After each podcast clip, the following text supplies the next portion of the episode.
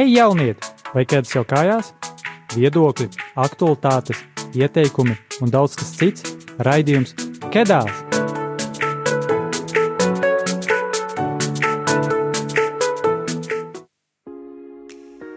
Sveiks, Kedās klausītāji! Ir 5. februāris, un tu klausies jauniešu raidījumu Kedās, kurā atsaucoties uz jūsu balsojumu mūsu Instagram un Facebook lapā, mēs šodien runāsim par ceļošanu, vēl pievilcīgāk, izdevīgu ceļošanu. Kurš gan no mums nav pavadījis stundas sapņojot par naksnīgām pastaigām kādas nepazīstamas pilsētas ieliņās, senu tempļu aplūkošanas, peldas okeānā vai vienkāršām sarunām ar cilvēkiem no otras pasaules malas? Jau 4. un 5. gadsimta mijā Svētais Augustīns no Hiponas ir teicis: Pasaulē ir grāmata, un tie, kuri neceļo, ir izlasījuši vienu lapas pusi.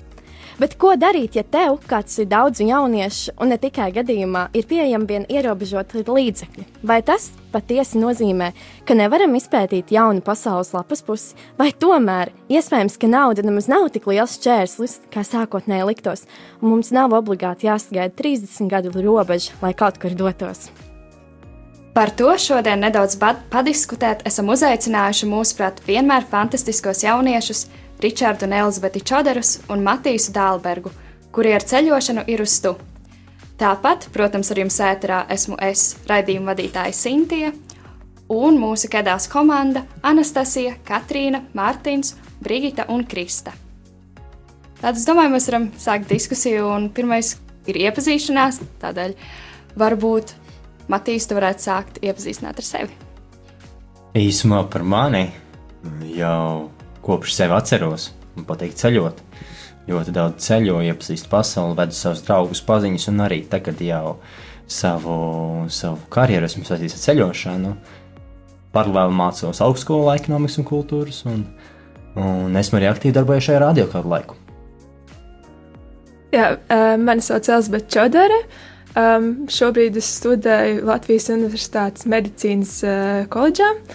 Un, uh, jā, brīvajā laikā man ir Man patīk vienkārši darīt dažādas spontānas aktivitātes, un tas arī ietver ceļošanu. Sveicināti, mani sauc Ričards, un um, es ikdienā strādāju Kristīgās starpkonfesionālā organizācijā Scripture Union Latvija un uh, darbojos zem projekta um, Sava daba, un esmu tur projektu vadītājs un um, strādāju ikdienā ar bērniem un jauniešiem, bet uh, Nu, jā, kā viens no hobijiem, tas noteikti, noteikti ir ceļošana, un līdz ar to esmu šeit, lai nedaudz pastāstītu vairāk par savu pieredzi.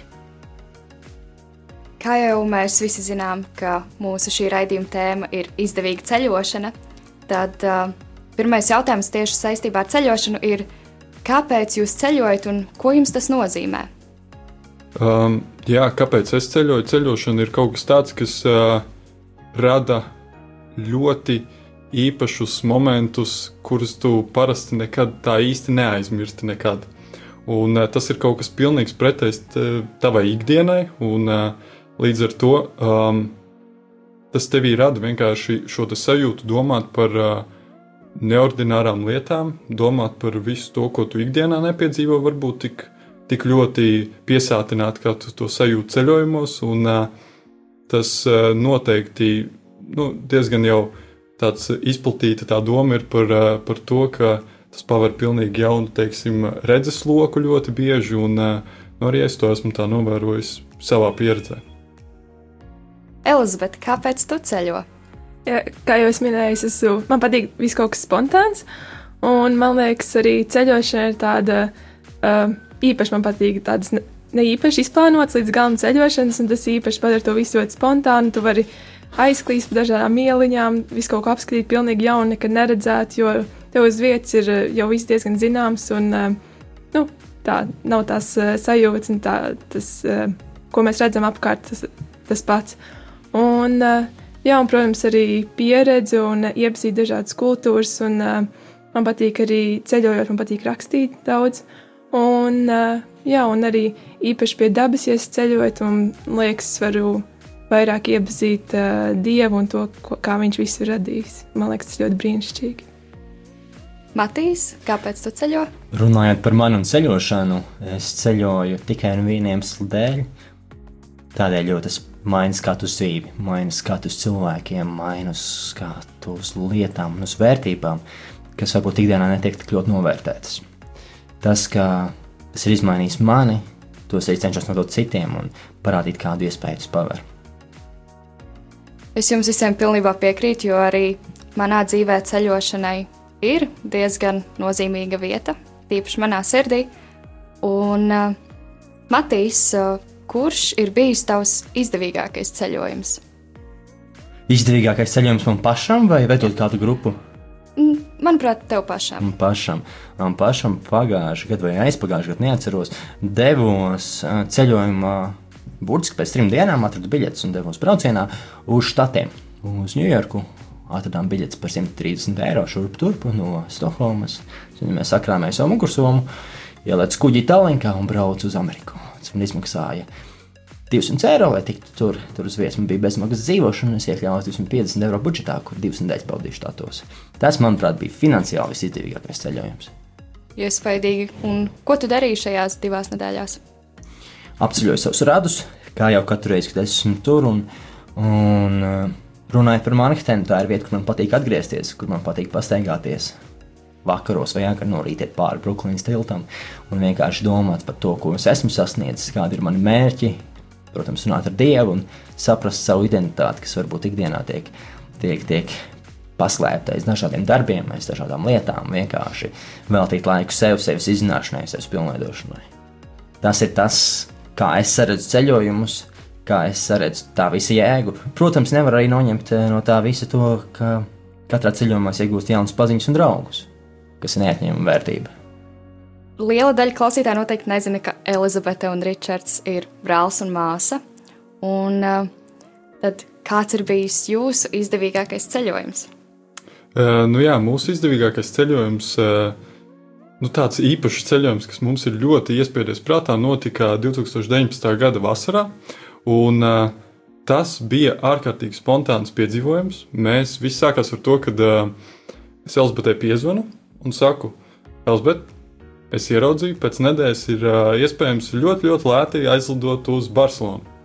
Un, uh, tajā brīdī es zināju, ka man uh, tūlīt sāksies atvaļinājums un būs, uh, būs kāds brīdis laika. Un, uh, Es piezvanu Elzbetē, Elzbete tajā brīdī atradās nometnē, un uh, tāda nedaudz saraustīta teica, es tev padošu ziņu vakarā. Uh, tad uh, Elzbete vakarā man padeva ziņu, ka, jā, labi, lai iet, tad jau redzēs, kas notiks. Un uh, šī doma bija pavisam vienkārši. Mūsu vienīgais mērķis šim ceļojumam bija uh, braucam bez nekādiem mērķiem. Un uh, tas bija kaut kas tāds, kas bija ārkārtīgi, varbūt es teiktu, grūts piedzīvojums. Uh, Eh, tīri fiziski, bet um, tas bija kaut kas tāds, kas ir nenormāli iespiedies atmiņā. Un, uh, ik pa laikam mums sarunājoties un uh, sarunāties ar citiem cilvēkiem, mēs ļoti, ļoti regulāri atsaucam atmiņā daudz dažādus piedzīvojumus, ko mēs piedzīvojām. Un pats galvenais, um, tas viss tiešām bija ļoti izdevīgi un lēti, jo aizlidojām mēs uz turieni, manuprāt, par kādiem 30 eiro vienam cilvēkam. Un, un, un, um, un atpakaļ ceļā ļoti bieži avio kompānijas dara tā, ka aizlidot ir lēti, atlidot ir krietni, krietni dārgāks reizes. Un, uh, līdz ar to uh, mēs izmantojam šo iespēju, ka atpakaļ ceļā mēs nu, uz vietas domājam, kā tikt atpakaļ līdz mājām. Diezgan iespaidīgi, tā teikšu. Un, uh, Elizabete, varbūt vēlēs kaut ko piebilst par šo ceļojumu. Uh, jā, īstenībā tas, uh, ka man viņš pazudīja, tas bija arī pilnīgākā steigā. Es pat teiktu, negaidīju līdz vakaram. Man liekas, pagāja dažas minūtes, apjautājos vienkārši draudzenēm, ko viņas domā. Un, protams, kā jau draudzenes, jā, protams, jābrauc un tā. Bet uh, man noteikti ceļojums arī ir kā, viens no top tādiem notikumiem manā dzīvē. Un, uh, jā, un es arī gribēju piebilst, ka ir ļoti svarīgi, ar ko tu brauc ceļojumā. Jo, nu, uh, ja es tā atceros, teikt, visu, ko mēs piedzīvojām, es nevarētu ar kuru katru to visu tā teikt, izturēt, jo tas, jā, kā jau mēs minējām, tas viss bija tāds. Tīri mēs izaicinājām sevi, mēs mēģinājām pēc iespējas mazāk tērēt līdzekļus, jo tas viss bija ļoti spontāni un negaidīti. Un, nu, mums nav tāda atsevišķa lieka līdzekļu, lai teiktu kaut kādu skaistu ceļojumu no, mums izveidot, jā, bet uh, tas viss bija tā tīri, lai izaicinātu, lai redzētu, uz ko mēs esam spējīgi. Un, uh, jā, man liekas, mēs arī sasniedzām dažādas jaunas rekordus, ko mēs varbūt uh, nezinājām, ka, varbūt, ko mēs esam spējīgi. Un ar kādiem transporta līdzekļiem jūs tikāt atpakaļ uz Latviju? Nu, Gal, es teiktu, ka galvenokārt tā, kas man ir iespējas atmiņā, ir tas, ka mēs visu laiku gājām ar kājām.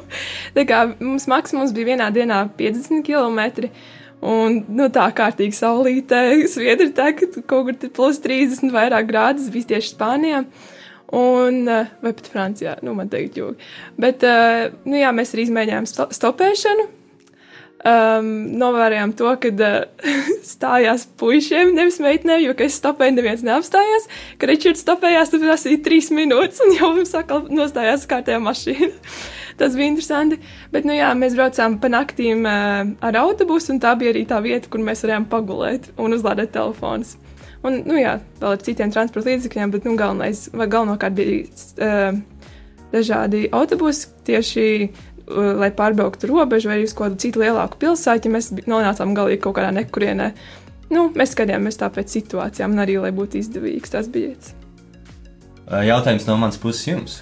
Cik ilgu laiku jums prasīja, lai tiktu no Spānijas uz Latviju, neskatoties uz saviem 3000 km, kurus jums nācās mērot? Aptuvenais laiks, lai nokļūtu mājās, bija nedaudz vairāk kā nedēļa. Un šīs nedēļas laikā mēs pabijām izbraukājām cauri vēl Francijai visai, un bijām izbraucām cauri Beļģijai, Nīderlandai, Amsterdamu iepazinām, un, un, un jā, Berlīne, un tad caur Poliju uz mājām. Nu jā, bez polijas netiks mājām. Man polija ļoti patīk. Tiešām. Mēs mīlam poliju. Tā kā valsts, kas nekad nebeidzās, tad brauc, viņi tik turpinās. Tieši tā. Jums nebija bail stopēt, un kādi tad, kādus cilvēkus jūs satikāt tajās mašīnās? Uh, stopēt bail noteikti nebija. Sākumā varbūt bija tāds nedaudz jautājums, kā tas būs, jo nebijām to iepriekš darījuši. Bet uh, uh, nu, ļoti bieži jau ir tā, ka uh, rodas šīs te, kaut kādas varbūt dīvainas ekspektācijas par to, ka stopēt iespējams nav droši, jo, ja notiek kaut kas slikts stopējot, tad mēs zinām, ka to uzreiz ieraksta ziņās vai kādos plašsaziņas līdzekļos tas tiek palaists. Bet uh, visi veiksmīgie stopēšanas gadījumi parasti nav pieminēti mēdījos. Līdz ar to es domāju, procentuāli tas ir daudz, daudz lielāks uh, izdošanās faktors, un uh, to mēs arī izmantojam. Un, uh, lieki neuztraucāmies, vienkārši stopējām. Mēs uh, zinām, ka Dievs mūs sargā un uh, ka, viņš, ka Viņš tieši ir tas, kas mūs uh, izaicina, mūsu, teiksim, mūsu visus prāts un visu, lai mēs vienkārši ejam, darām un uh, neskatāmies atpakaļ. Bet, jā, stopējot, mums uh, bija teiksim, uh, dažādas pieredzes. Mums bija pats pirmais cilvēks, ko mēs nostupējām, bija uh, cilvēks, kurš tā, nu, uh, jauns čalis. Uh, pie, pie stūra stīnā tabaku un tādas lietas darīja. Un, un jā, bija interesanti parunāties ar viņu. Viņam dzīves uzskata nedaudz citādāk kā man, bet tas netraucēja labi saprasties. Un, un, un vēlāk nonācām arī tādā pieredzējušu franču pāru mašīnā kuri ar mums centās runāt franciski. Mēs arī centāmies runāt franciski. Mēs gan franciski nemākam runāt. Bet tas nu, radīja arī tādu, tādu interesantu to komunikāciju ar žestiem un ar kaut kādām skaņām. Bet gala beigās mēs, viņi mūs izlaida kaut kur bāņa vidū, kas nav gluži droši. Um, kur nedrīkst cilvēki pārvietoties ar kājām, bet uh, nu, tad sākās lielais piedzīvojums, kā tikt ārā no bāņa, tā lai mums tur kaut kas nesavāc un tam līdzīgi. Bet uh, viss veiksmīgi uh, cauri ērkšķu krūmiem. Kāpām augšā uz tilta kādu, un tad jau tikām atpakaļ drošībā. Tā es varu piebilst, ka uh, arī šis bija tāds uh, spilgts mirklis, kad parādījās, ka uh, esmu tā, kurai vajag jautrību un kurai visi forši. Un tad ir Ričards tāds nopietnais, kurš īsti plāno. Jo tagad mēs esam uz bāņa, viņš reāli ir uztraucies un domā, kā tikt ārā. Un es tā kā vispār nesapratu, kā, ka nevar būt uz bāņa, kā tur atrasties. Un es viņam visu laiku prasīju, lai viņš man nopačē, jo tur ir tik smuki.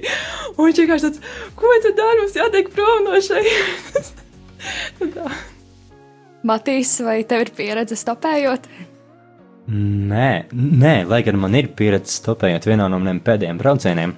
Um, mēs bijām, es biju kopā ar pavāru komandu, mēs bijām pagatavojuši maltīti daudziem cilvēkiem, ja nemaldos, toreiz bija. Tas bija lielais brauciens 200 cilvēkiem, vairāki katli. Un mēs bijām pilnīgi nekurienes vidū, ja nemaldos, tas, tas, tas bija kaut kur Rumānijā. Un takši vienkārši neapstājās. Nu, vienkārši neapstājās. Neapstājās pilnīgi neviena mašīna, kur mēs topējām. Taksis vai nefīgi no takša. Mēs piegājām vienai mašīnai priekšā uz ceļa, lai mašīna varētu pabraukt tālāk. Divi piegāja aizmugurē, lai no aizmugures nevarētu paiet tālāk. Mēs vienkārši iekāpām iekšā. Tad viņš mums aizved, gribot, negribot. Nu, tā, tāda man pieredze bijusi ar stopēšanu un nosacītu stopēšanu. Cita pieredze man pagaidām nav bijusi. Wow, iespaidīgi tiešām izdzirdot šos visus stopēšanas uh, stāstus. Um, un tieši par stopēšanu, vai tas sanāca jums izdevīgāk stopējot un braucot ar uh, autobusu, vai tas sanāca izdevīgāk nekā, piemēram, atlidot atpakaļ ar lidmašīnu? Viena lieta ir tas, kas varbūt ir izdevīgāk, un uh, otra lieta ir tas, kas tev vairāk iedod kaut kādu pieredzi, vairāk iedod jaunas zināšanas, un uh, un tevi nu, maksimāli izmet ārpus komforta zonas, un tas ir atkarībā no tā, ko tu meklē tajā ceļojumā. Ceļojums var būt gan atpūta, ceļojums var būt izklaide, ceļojums var būt uh, um, izglītošanās, jaunu vietu apskate, vēstures atklāšana. Uh, bet ceļojums var būt arī kaut kas, uh, es domāju, meditatīvs un uh, kaut kas, kas tevi nu, ietekmē gan fiziski, fiziski gan garīgi. Un, uh, tas bija mūsu mērķis, un tāpēc uh, Es teiktu, ka uh, iespējams uh, sanāca kaut kādā mērā tās izmaksas līdzīgas, ja mēs būtu atlidojuši atpakaļ, bet, teiksim, uh, ceļojot atpakaļ uh, caur sauszemi, tas nozīmē, ka mēs apskatījām vēl daudz dažādas vietas un uh, pieredzējām vēl daudz dažādus notikumus. Mēs jau dzirdējām tādu atgadījumu un kuriozu no Ričarda un Elizabetes puses par būšanu uz bāņa. Un tad, Matīs, vai tev ir kāds pārsteidzošākais atgadījums vai kurios kādu ceļu, kādu ceļojuma laikā? Ceļojuma laikā, kad man bija nemaldos 14, es devos braucienā, svētceļojumā ar grupu uz Mečikori. Un gadījās problēma, kā jau pa nakti autobus apstājās, cilvēki tur tā stulti, un lielākoties bija cilvēki vecāka gadagājuma. Un viena tantiņa aizgāja stūri, atstāja savu telefonu, pasi, naudu, pilnīgi, pilnīgi, pilnīgi visu. Un grupas vadītāja laikam bija aizmugusi tajā laikā un nepārskaitīja, cik cilvēki mēs esam. Un nākamā rītā mēs pamostamies visi, mēs vēl pabraucam kādus 200 km un pēkšņi autobusā iesaistās kā paklusums. Jo blakus sēdētājs saprot, ka nu, nav tā blakus sēdētāja. Tā ir tantiņa, kad 85 gadi, nu, tā kā nu, tiešām, tiešām veca tantiņa. Un uh, ko mēs darījām? Mēs griezām atpakaļ. Tā kā tas ir bāns, mums bija jāpabrauc vēl stunda vai pusotra stunda. Mēs bijām atpakaļ tikai uz pēcpusdienas pusi tur, un, protams, ka tā tantiņa jau tur vairs nebija. Tā tantiņa bija izdomājusi, tagad viņa stopēs tāpat kā jūs abi divi, un dzīsies pakaļ autobusam šeku reku viņa stopēja un zinās pakaļ autobusam, un laikam vai nu viņai bija daudz kas sirds sakrājies, vai nu kas, kas notiek tādā gadījumā būtu arī man. Bet tā mašīna viņa bija izlikusi laukā pēc kāda noteikta laika. Mēs iebraucam ar grupas vadītāju uz to benzīnāku, un viņi tur vienkārši nav. Es tagad, kā grupas vadītājs, nespēju saprast, ko viņi pārdzīvoja. Bet es burtiski redzēju, ka viņai trīs rokas un trīs kājas, jo nu, tas cilvēks ir pilnīgi bezpalīdzīgā situācijā. Mēs braucām, lūdzām Dievu, skaitījām mentos rožakroņus, pārējo visu, un ceļā malā mēs viņu atradām uz kādiem 400 km. Oh, okay. oh, Bet viņai viss kārtībā, viņa dzīve, nekāda problēma. Klausītāji, mēs ar šo necenšamies jūs iebiedēt par ceļošanu ārpus Latvijas. Noteikti ne. Nu, un tad uh, tagad uh, mēs dosimies nelielā mūzikas pauzē ar dziesmu Ļauju laimi sēt kuru izpilda Arthurs M. un Arthurs, Arthurs Grusdiņš. Un šo dziesmu izvēlējās Matīs. Matīs, kāpēc tu izvēlējies šo dziesmu? Šo dziesmu ieteicu es, zinot Arthuru Grusdiņu un Arthuru Mittenbergu. Un arī saprotot šīs dziesmas būtību, ko man izskaidrojuši viņi, es iesaku klausītājiem jums ieklausīties dziesmas vārdos un un saprast to, ka mēs katrs varam ko mainīt ikdienā.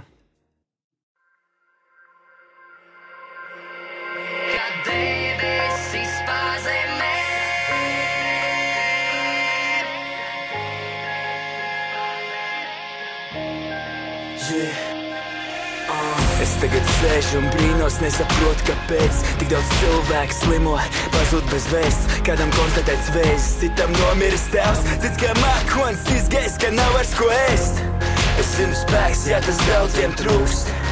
Arī nervi, kas arī lūst. Yeah. Tas ir risks, nezinot, kā būs. Kādu dienu tu smejies, citam asins plūs. Šobrīd dzīvot ir grūti, valstī bezdarbs un naids. Jauni cilvēki, kas mācās, uzpīpēs spais. Vienam parāda krājs, citam atņēma mais. Un tev vēl liekas, ka tev ļoti nelabi klājas. Nē, un saki paldies Dievam par to, ka vari dzīvot tā, kā tagad dzīvotu, jo tev ir ko es, tev ir mājas draugs.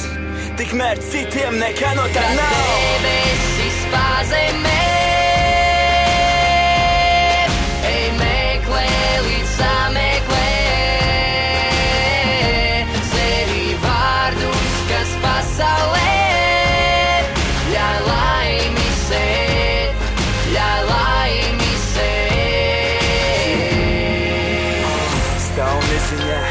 Kas tad notiks rīt? Vai mēs spēsim viens otru vienmēr atbalstīt? Apkārt invalīds slimnīca ir pārpildīta. Visur, kur vien paskatos, tur apkārt tikai ļaunums slīd. Es tagad sadzirdu balsi no ielas puses no malas. Tur mazai meitenei sāls no blakus mēts. Kas pados roku un ies turpat tas bezpajumtnieks, kas tev pie ķieģeļu sienas un prasa naudu. Tā ir tā pasaule, dažai katrs dzīvo kā māk, bet tomēr jāapzinās, ka kādam sāp. Daudz vairāk nekā tev šobrīd, jo kādam sadod pa zobiem un citam prātā nāk kodienas vai glābt. Šos visus nabadzīgos cilvēkus, kuri neredz gaismu, lai arī kā gribētu, kuri laime un prieks, lai visi dzīvotu, nav, nav, nav. Debesis pazemē,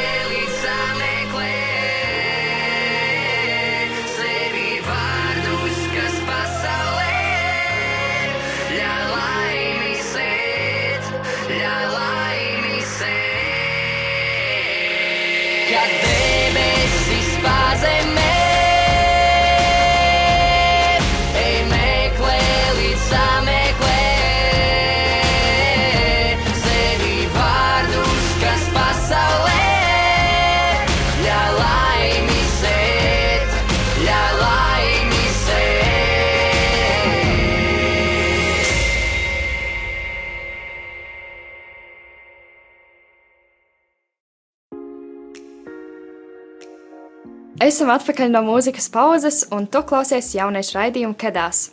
Mēs iepriekš runājām par mūsu izdevīgāko ceļojumu un kādiem interesantiem atgadījumiem šo ceļojumu laikā. Un tad, uh, turpinot šo diskusiju, man ir jautājums uh, Elizabetei un Ričardam, kāds ir jūsu lielākais ieguvums pēc šī ceļojuma? Es teiktu, ka uh, man personīgi visvairāk uh, palicis atmiņā tas, ka tie rekordi, visi, ko es uzstādīju, piemēram, tie 50 km dienā, tās valstis, ko es tik īsā laikā apceļoju. Un, nu, principā viss tā pieredze, un uh, teikt, var, es arī vairāk saprotu, kā var uh, ceļot dažādās valstīs un kā labāk rīkoties dažādās situācijās. Es teiktu, man tā bija, protams, pieredze un uh, arī izpratne par to, kas, kas der, kas neder.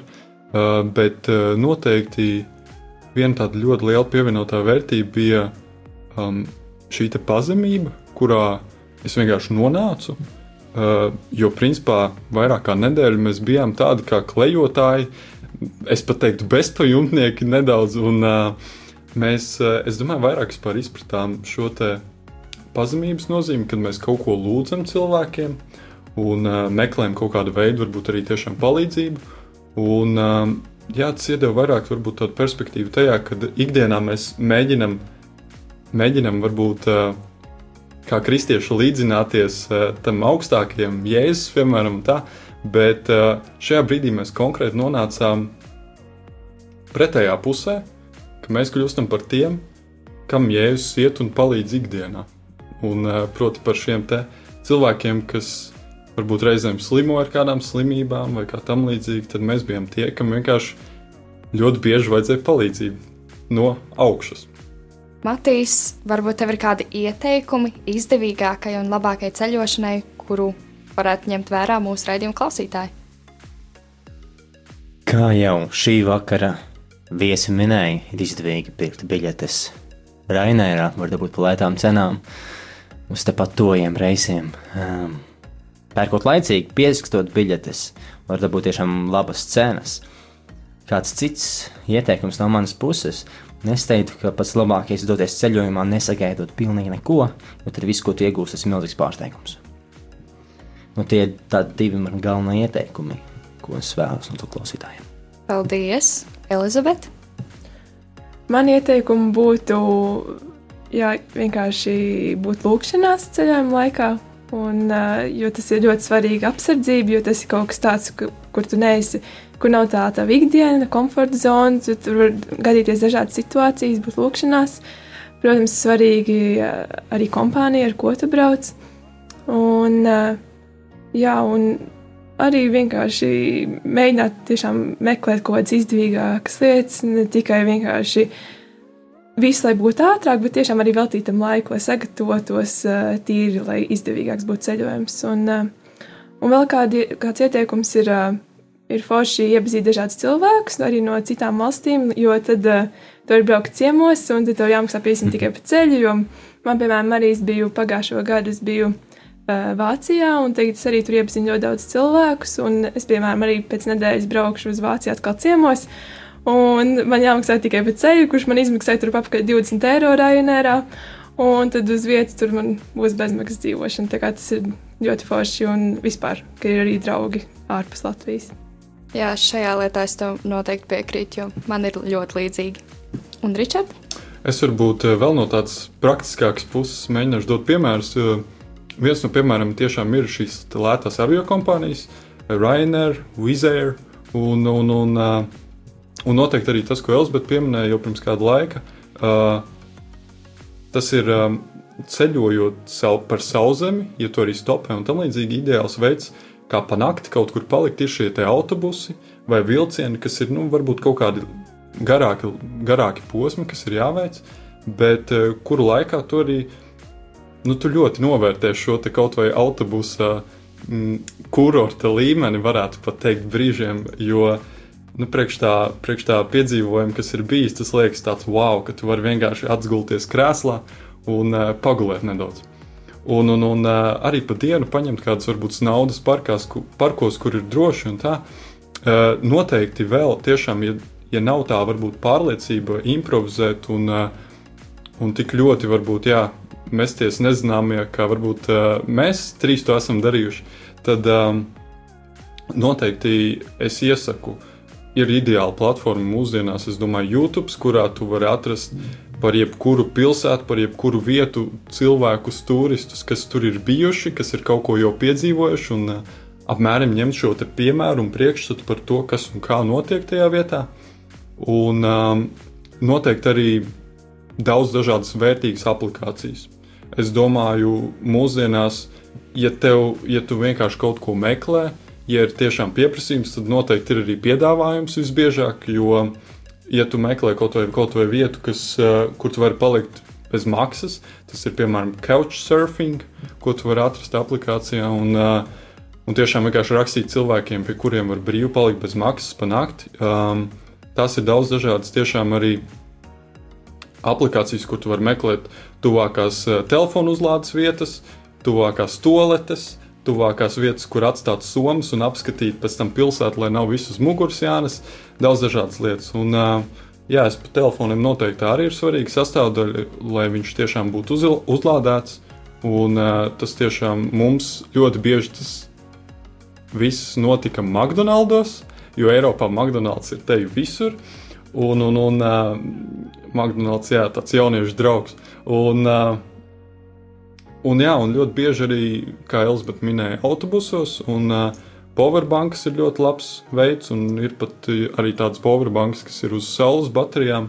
Uh, tas arī ir ļoti vērtīgi. Un, uh, principā, jā, jāveic kaut kāda pētījuma, meklēšana neliela, un tad jau nekādām problēmām nevajadzētu būt. Lielas paldies! Un es domāju, ka redzējumu klausītājiem, un noteikti arī man, ka šāds noderēs turpmāk. Un uh, Matīs, tev ir kaut kas, ko pastāstīt par to, ko tu vēl savā ikdienā dari? Tu domāji tieši kas? Visam. Par maniem braucieniem, par Jā. visam un par to, kurus sadod visu savu brīvo laiku un arī to savu naktsmieru. Um, es organizēju ceļojumus, organizēju braucienus jauniešiem, ne tikai jauniešiem. Kā jau tu minēji, izbaudot autobusu vērtības, kur pa nakti mēs mērojam lielus ceļa gabalus, un varbūt pa pilsētām, kuras mums tik ļoti neinteresē. Un katru rītu pamostamies kādā lielā, skaistā pilsētā un apskatām to. Vakarā atkal viss savās mēs autobusā un dodamies tālāk. Tādi ceļojumi man ir divas, trīs reizes gadā, kur mēs pulcējam grupas, sākot no 70 cilvēkiem līdz pat 200, 300 cilvēkiem, un visi dodamies milzīgā vai nu Ziemassvētku piedzīvojumā vai vasaras brīvlaika piedzīvojumā, kur tas autobus izveidojas kā ģimene. Un arī tas, ko mēs piedzīvojam un pieredzam, ir kaut kas neaizmirstams. Ir tā iemesla dēļ, lai kā es visu saplānotu, vienmēr gadās force majeure. Un mums viss jāpārplāno, kaut kas jāizdomā un jāuztais tas kaut kas interesants. Un Tā kā tīri tā, arī šoreiz es tiku pēdējā dienā pirms izbraukšanas uz štatiem, vedu nelielu grupu uz Kanādu, uz, uz uh, Amerikas Savienotajām valstīm. Dabūjām lētas avio biļetes par 99 dolāriem. Barcelona, Monreāla, Monreāla, Bostona. No Bostonas tālāk dodamies uz Vašingtonu un uz Manhetenu. Tā kā arī budžeta klases ceļojums, kur pavadīsim divas nedēļas štatos. Iespējams, diezgan. Un uh, paldies to klausītāji, ka bija ar mums. Lielas paldies arī viesiem Elizabetei, Ričardam un Matīsam. Un neaizmirstiet, mīļais klausītāji, mums sekot mūsu sociālajos tīklos, Instagram, un Facebook un YouTube, kā raidījums kedās. Tāpat arī ir ieteicams sekot līdzi mūsu sociālajiem tīkliem, jo tajos tu, klausītāji, vari balsot par nākamā raidījuma tēmu. Un tad jau tiekamies nākamajā raidījumā, martā. Tā! Tā! Tā!